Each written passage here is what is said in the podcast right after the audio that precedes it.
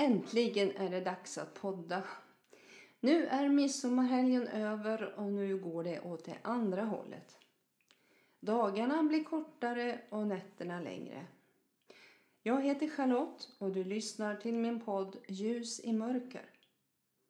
Här vill jag på ett enkelt sätt berätta om min kristna tro och hur det kan vara att leva ett kristet liv.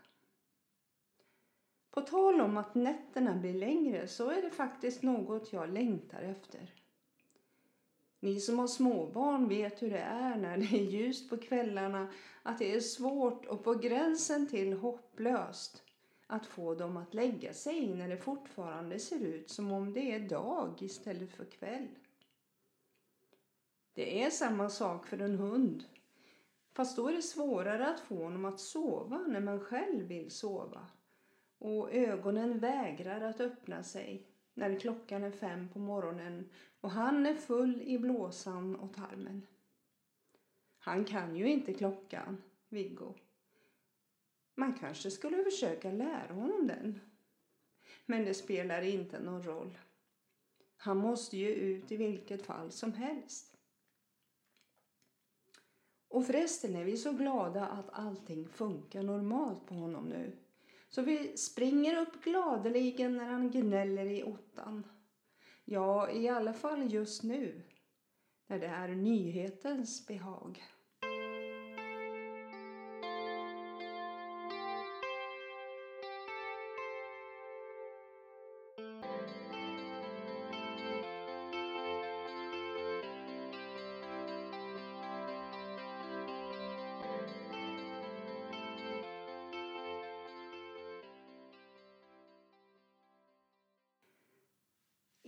Hade jag tänkt att prata om något väldigt invecklat. Eh, jag skulle ju på ett enkelt sätt berätta om min kristna tro men jag tror nog att alla tycker att det är lite invecklat även om man är en kristen och ska kunna förstå läran om den kristna tron. Jag vill prata om något som kallas treenighet. Okej, okay, tänker du. Och vad i all världen är det? Jag börjar med att berätta om att just det ordet treenighet finns inte i Bibeln. Men ändå så talar Jesus om att den finns. Man kan kalla det tre i en. I välsignelsebönen som vi läser i kyrkan så innehåller den treenigheten. Fadern, Sonen och den helige Ande. Nu kanske poletten trillade ner lite längre. Så här lyder välsignelsen. Herren välsigne dig och bevare dig. Herren låter sitt ansikte lysa över dig. Herren vände sitt ansikte till dig och give dig frid. I Faderns, Sonens och den helige Andes namn. Amen. Treenigheten är alltså Gud Fader, Sonen Jesus Kristus och den helige Ande. Och när vår värld skapades så var alla tre personerna involverade. Jag citerar först från Första Mosebok kapitel 1 och från vers 1. I begynnelsen skapade Gud himmel och jord. Och jorden var öde och tom, och mörker var över djupet. Och Guds ande svävade över vattnet. I vers 26 börjar skapelsen av människan. Och det står så här.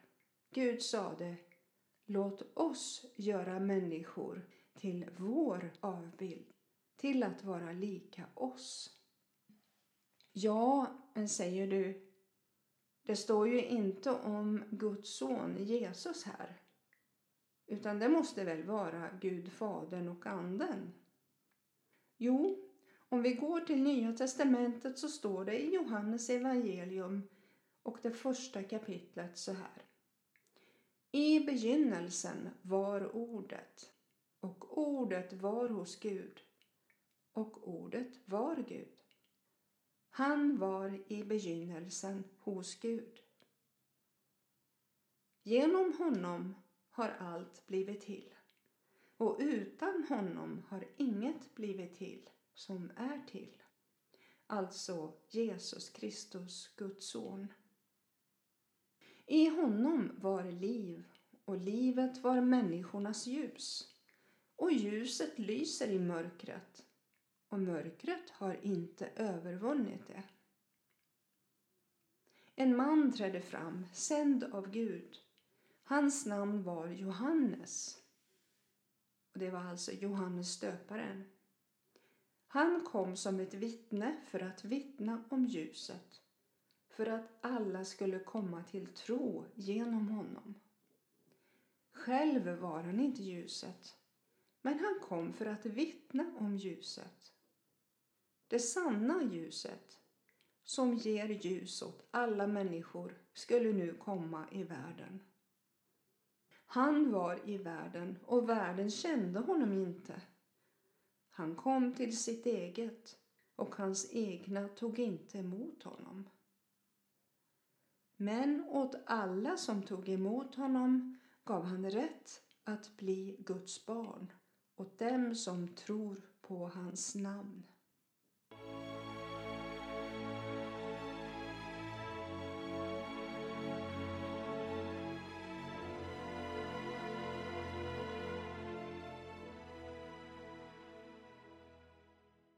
Jag fortsätter i vers 14. Och ordet blev kött och det kallas för reinkarnation och bodde ibland oss och vi såg hans härlighet en härlighet som den enfödde har av Fadern och han var full av nåd och sanning. Sen hoppar jag till vers 18. Alltså det här är så häftigt. Så här står det. Ingen har någonsin sett Gud. Den enfödde som själv är Gud och är hos Fadern har gjort honom känd. Jesus är ordet, står det, och ordet var i begynnelsen hos Gud. Utan Jesus skulle inte jorden eller någonting ha blivit till. Det står också att Jesus är ljuset, det sanna ljuset som skulle uppenbaras för människorna när tiden var inne. Det står också att Jesus är Gud och han är hos Fadern. Detta låter nog väldigt komplicerat för den som inte har tagit emot Jesus. Men här kommer den helige Ande och uppenbarar för oss vem Fadern och Jesus är. När Jesus blev döpt i Jordan av Johannes döparen så sänktes den helige Ande ner över Jesus i form av en duva. Duvan skulle alltså symbolisera den helige Ande. Samtidigt hördes en röst från himlen och det var Gud Fadern och han sa Du är min son, den älskade. I dig har jag min glädje. Detta står i Lukas evangelium kapitel 3 och vers 22. Här är alla tre med. Fadern, Sonen och den helige Ande. Alla tre har samma härlighet samma eviga majestät är oskapade, omätliga, eviga, allsmäktiga, gudomliga och härskande. Sonen är född av Fadern. Den helige Ande utgår av Fadern och Sonen. Men här finns inte något förr eller senare eller större och mindre. Alla tre personerna är tillsammans med varandra lika eviga och lika stora. Treenighetsläran har kallats för kyrkornas centrala lärosats och har blivit en ekumenisk symbol. och den är viktig för frälsningsläran, för synen på Kristus och synen på människan. Den helige Ande talar genom Gamla testamentets ord och inte minst genom profeterna. Bibeln kallas för böckernas bok och den innehåller 66 böcker. Det finns Gamla testamentet som innehåller 39 böcker och Nya testamentet som innehåller 27 böcker. I Gamla testamentet finns det profetiska böcker och det är Jesaja, Sakarja, Hesekiel, Joel, Daniel med flera. Dessa var alltså män som var profeter. En profet är någon som talar vad de får från Gud. Alltså en uppenbarelse av vad Gud vill säga till människor. Och profeten Joel talar om att i den sista tiden, innan Jesus kommer tillbaka, så ska den helige Ande utgjutas över människor. Era söner och döttrar skall profetera. Era gamla män skall ha drömmar. Era unga män skall se syner. Också över tjänare och tjänarinnor skall jag i de dagarna utgjuta min ande och så vidare. I Nya testamentet i Apostlagärningarna kapitel 1 från vers 4 så sa Jesus till lärjungarna innan han for upp till Fadern Lämna inte Jerusalem utan vänta på vad Fadern har utlovat, det som ni har hört av mig. Ty Johannes döpte med vatten, men ni skall om några dagar bli döpta i den helige Ande. Och från vers 8. Men när den helige Ande kommer över er skall ni få kraft och bli mina vittnen i Jerusalem och i hela Judeen och Samarien och ända till jordens yttersta gräns. Då han hade sagt detta såg de hur han lyftes upp och ett moln tog honom ur deras åsyn. Det är det som vi kallar Kristi himmelfärdsdag. Treenigheten förekommer inte bara här och där i Nya testamentet utan alla skrifterna är genomträngda av den. Jesus Kristus själv, hans egen person och den heliga Andes utgjutelse i den messianska församlingen är det fundamentala beviset för treenighetsläran.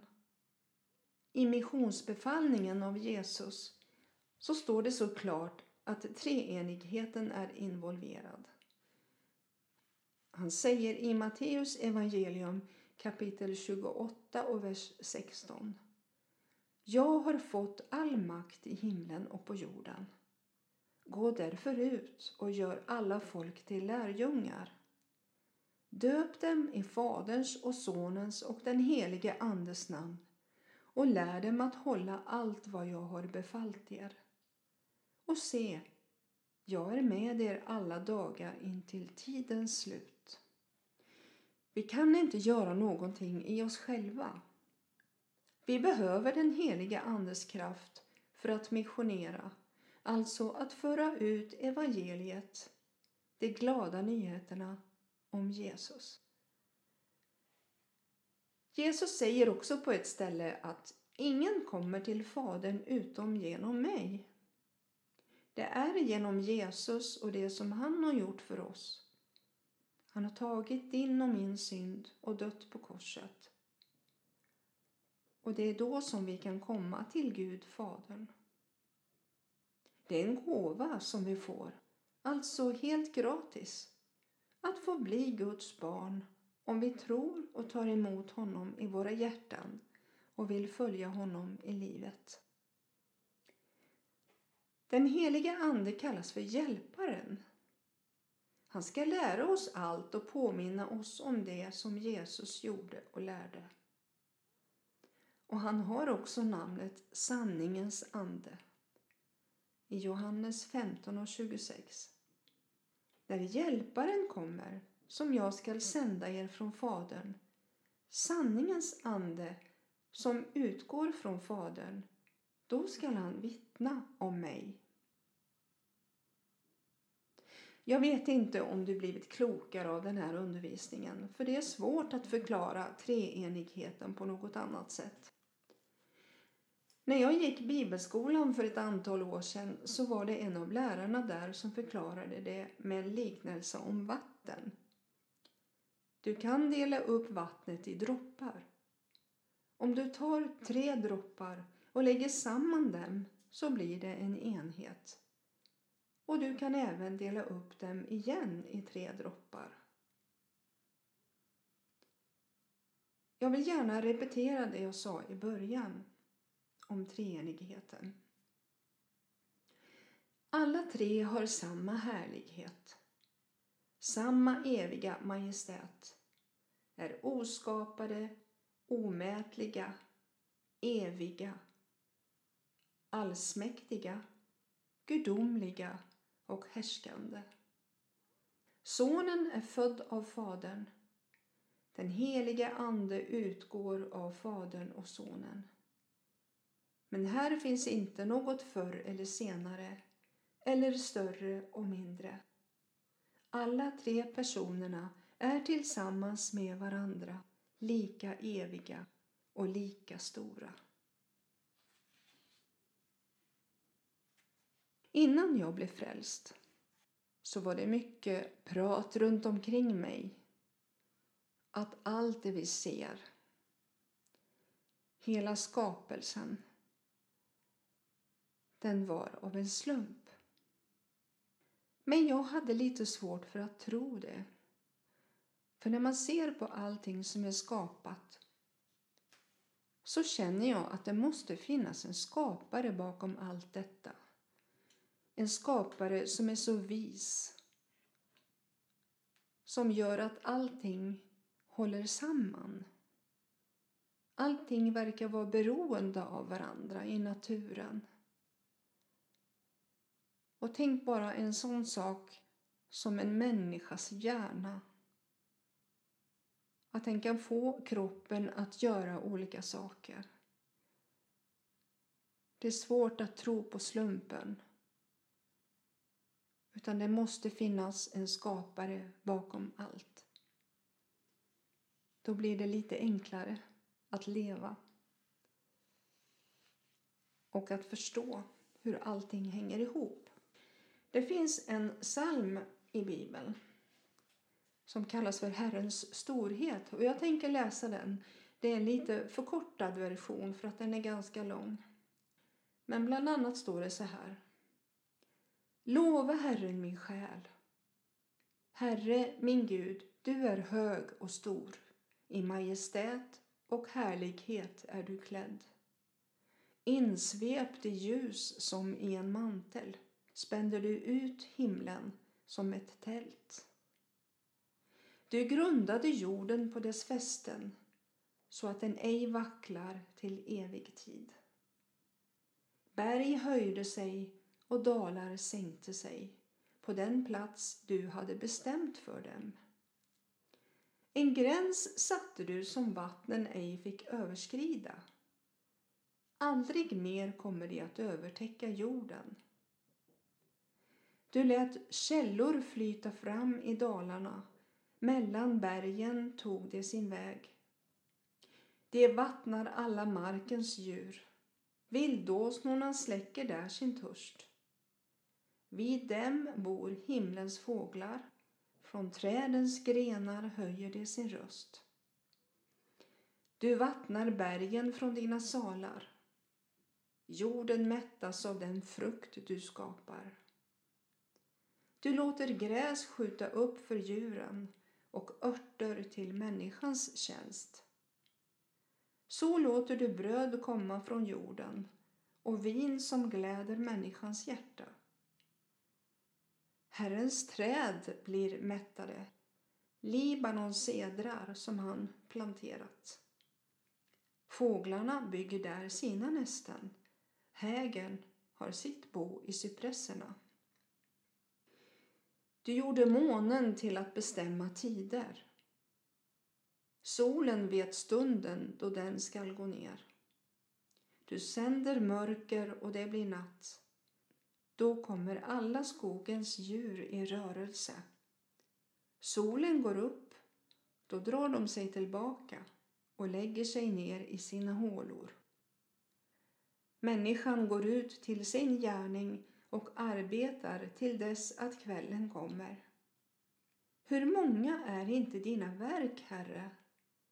Med vishet har du gjort dem alla. Jorden är full av vad du har skapat. Där är havet, det stora och vida. Där är ett oräkneligt vimmel av levande varelser, både stora och små. Alla väntar de på dig, att du skall ge dem mat i rätt tid. Du ger dem och de samlar in. Du öppnar din hand och de mättas av goda gåvor. Du döljer ditt ansikte och de blir förskräckta. Du tar bort deras ande och de dör och vänder åter till stoft. Du sänder din ande, då skapas det och du förnyar jordens ansikte. Må Herrens härlighet vara i evighet. Må Herren glädja sig över sina verk. Nu vill jag tacka dig för att du har haft tid och tålamod att lyssna på mig i det här avsnittet. Och jag vill önska dig en underbar och fin dag. Gud välsigne dig och så hörs vi nästa vecka igen. Hej då!